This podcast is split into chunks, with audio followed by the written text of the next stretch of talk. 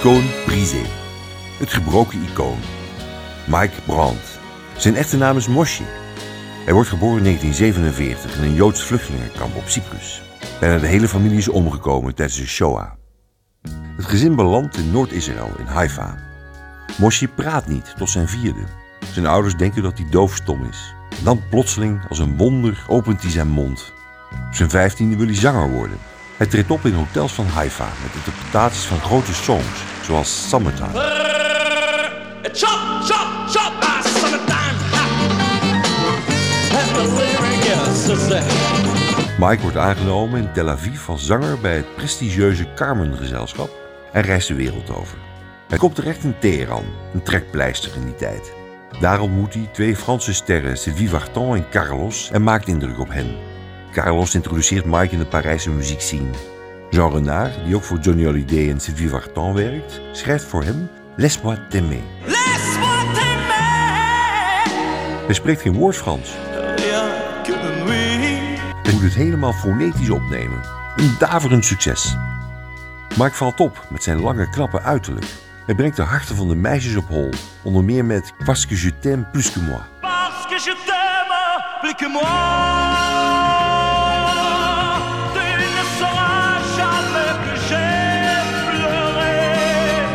Begin jaren 70 verkoopt hij meer platen dan Joe Dassin of Michel Sardou.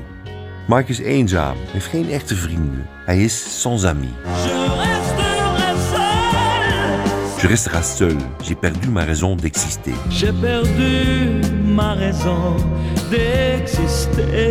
De tekst van dit chanson sluit verbazingwekkend aan op zijn gemoedstoestand. Mike droomt over de verschrikkingen van de concentratiekampen. Hij lijdt aan het tweede generatie syndroom. Muzikaal gezien volgen de successen elkaar op. Hij scoort met een herbewerking van Che Sera van de Italiaanse groep Ricchi Poveri, qui saura.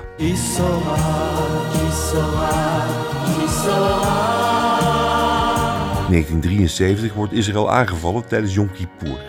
Mike gaat terug om te zingen voor de soldaten aan het front. Zijn dromen worden erger.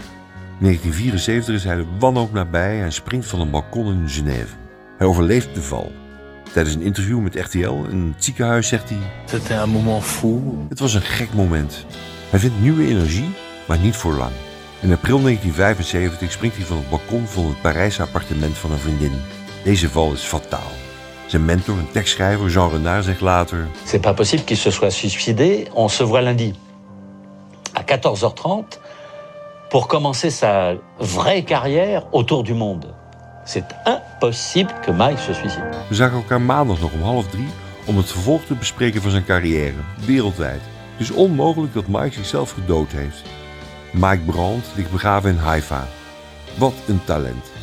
Let op hoe hij met zijn stem speelt aan het slot van zijn beroemdste chanson Laisse-moi t'aimer.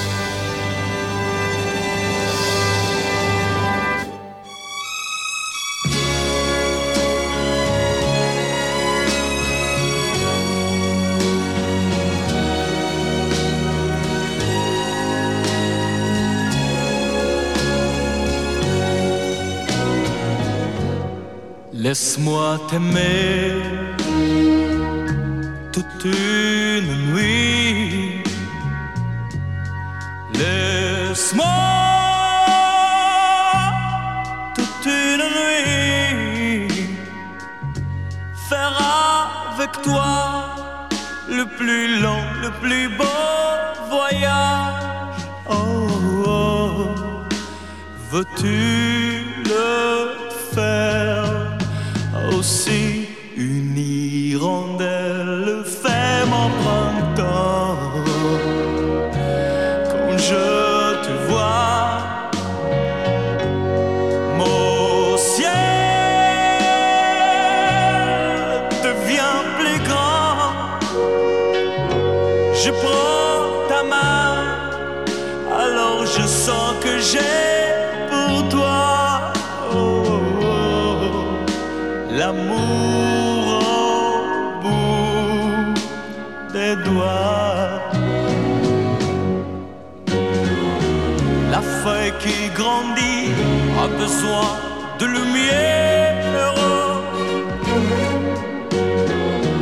Et le poisson meurt sans l'eau de la rivière. Aussi vrai que nos corps sonnaient de la poussière. Toi, tu es mon soleil